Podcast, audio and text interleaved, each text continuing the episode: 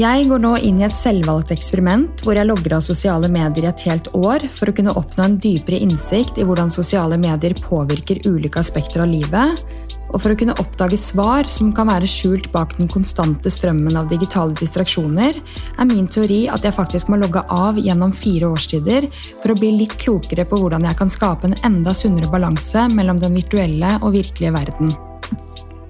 Med tanke på det teknologidrevne samfunnet vi lever i, hvor digital kommunikasjon så å si er en nødvendig del av hverdagen, har jeg valgt å gå for et realistisk eksperiment. Ved å opprettholde bruk av e-post, Messenger og tradisjonelle telefonsamtaler og tekstmeldinger gir det meg muligheten til å oppleve hvordan ulike aspekter blir påvirket uten sosiale medier, samtidig som det gir en realistisk tilnærming til vår moderne tid. Målet med denne pausen er ikke å prøve å leve i vikingtiden og avvise teknologien, men å omfavne den på en måte som beriker livet og som skaper harmoni mellom den digitale og virkelige verden. Ved å skape avstand fra det digitale støyet og bryte fri fra meningsløs scrolling, og frigjøre tid, håper jeg å få en klarere visjon om livet, en mer balansert forståelse av virkeligheten og en dypere tilknytning til min egen psykiske helse. For å si litt om hvordan dette prosjektet har vokst autentisk i meg over tid, kan jeg ta dere med tilbake til november 2019. Da jeg ble mamma for første gang, så jeg verden med nye øyne. Jeg la merke til de små øyeblikkene hvor barn forsøkte å få kontakt med foreldre som hadde hodet ned i en skjerm, og jeg ble oppmerksom på hvor mange barn som satt med hodet dypt ned i en skjerm. Samtidig kunne jeg ikke unngå å se hvor mange foreldre som ukritisk delte mye privat informasjon og bilder av egne barn på sosiale medier, og denne oppdagelsen vekket en underliggende dårlig samvittighet i meg, for jeg innså at mens jeg dømte andre for deres bruk av sosiale medier, var jeg selv fanget i belønningssystemet som sosiale medier skapte. Jeg erkjente at det ikke bare var et spørsmål om andres atferd, men også min egen avhengighet. Og det er denne indre kampen og refleksjonen som har drevet meg til dette eksperimentet. Storm og Birk, guttene mine som snart er fire og to år, er min største motivasjon bak prosjektet. Jeg tror det gjør noe med den ekte tilstedeværelsen i livet å være koblet på to verdener samtidig. Jeg ønsker å være til stede uten konstante digitale distraksjoner, og som vi vet, er barn observatører og etterlignere av foreldres atferd. Våre handlinger og vaner vil ha en dyp innvirkning på hvordan barna våre former sin egen tilnærming til livet og verden. Når guttene ser at jeg og Gard prioriterer direkte interaksjoner fremfor at vi ser ned i mobilen, håper jeg det oppmuntrer til sunnere digitale vaner og hjelper de til å balansere teknologi med det virkelige livet. Dette prosjektet blir forhåpentligvis en måte å legge grunnlaget for deres egen fremtidige digitale oppførsel, og samtidig gi dem en verdifull læring om betydningen av å være til stede i øyeblikket og bygge sterke relasjoner. I desember 2020 spilte jeg inn en episode som heter Sosiale medier detox, hvor jeg pratet om motivasjonen min for å logge av et halvt år, men dilemmaet den gangen var at jeg fikk høre fra alle kanter at jeg burde markedsføre Inspirasjonspodden enda mer, siden podkasten var ganske fersk, noe jeg for så vidt var enig i. Siden da har jeg hatt flere kortere avlogginger som har strukket seg over dager eller uker, og en enkel taktikk jeg ofte bruker, er at jeg legger igjen telefonen hjemme når jeg henter i barnehagen og unngår den frem til barna legger seg. Dette enkle grepet har en magisk måte å forsterke tilstedeværelsen, og det er som at hvert øyeblikk blir mer levende og har økt min nysgjerrighet på hva en helårsfrakobling vil utløse. Jeg tenker ett år uten sosiale medier er nyttig for å gi tilstrekkelig tid til å virkelig utforske og oppleve de potensielle positive effektene. For det tar tid å bryte vaner, tilpasse seg endringer i rutiner og observere langsiktige resultater. Et helt år gir en tilstrekkelig tidsramme til å gå gjennom ulike sesonger, høytider og begivenheter, og for å få en grundig forståelse av hvordan det påvirker ulike aspekter i livet. Dette lange tidsrommet gir også muligheten til å vurdere om det er varige endringer i livsstilen som kan oppstå som et resultat av å være frakoblet sosiale medier.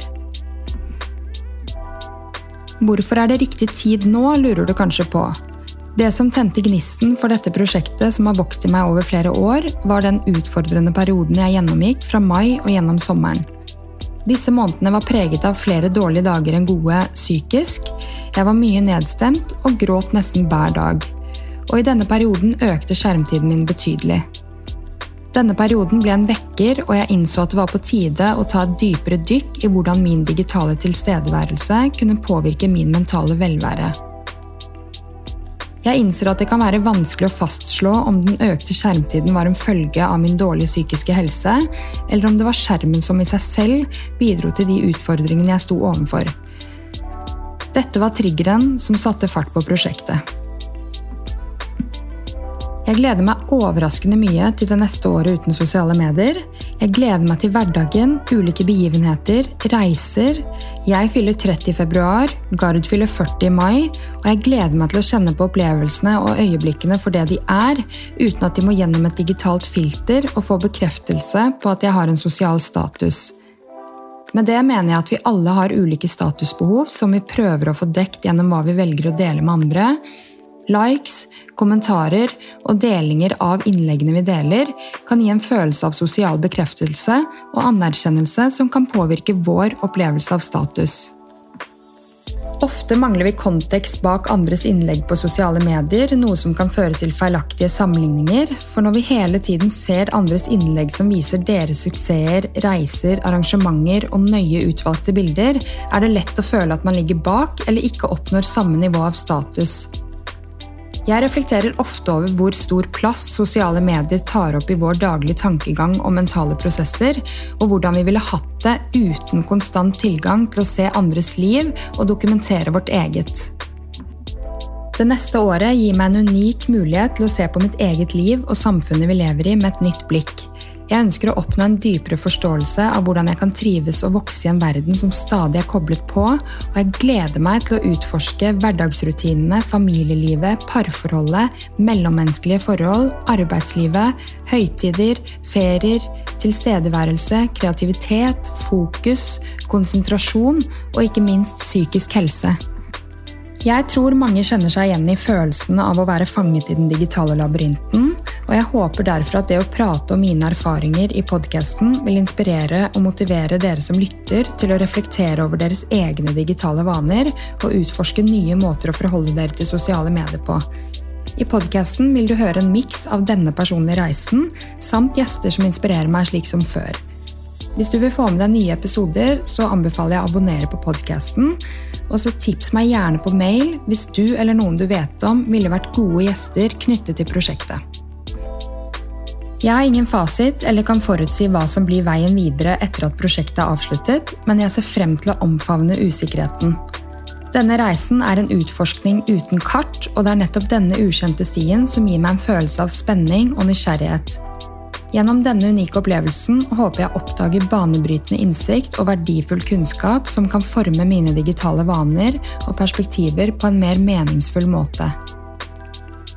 Livet er en kontinuerlig læringsprosess, og det er i dette ukjente terrenget at de mest verdifulle lærdommene venter på å bli oppdaget.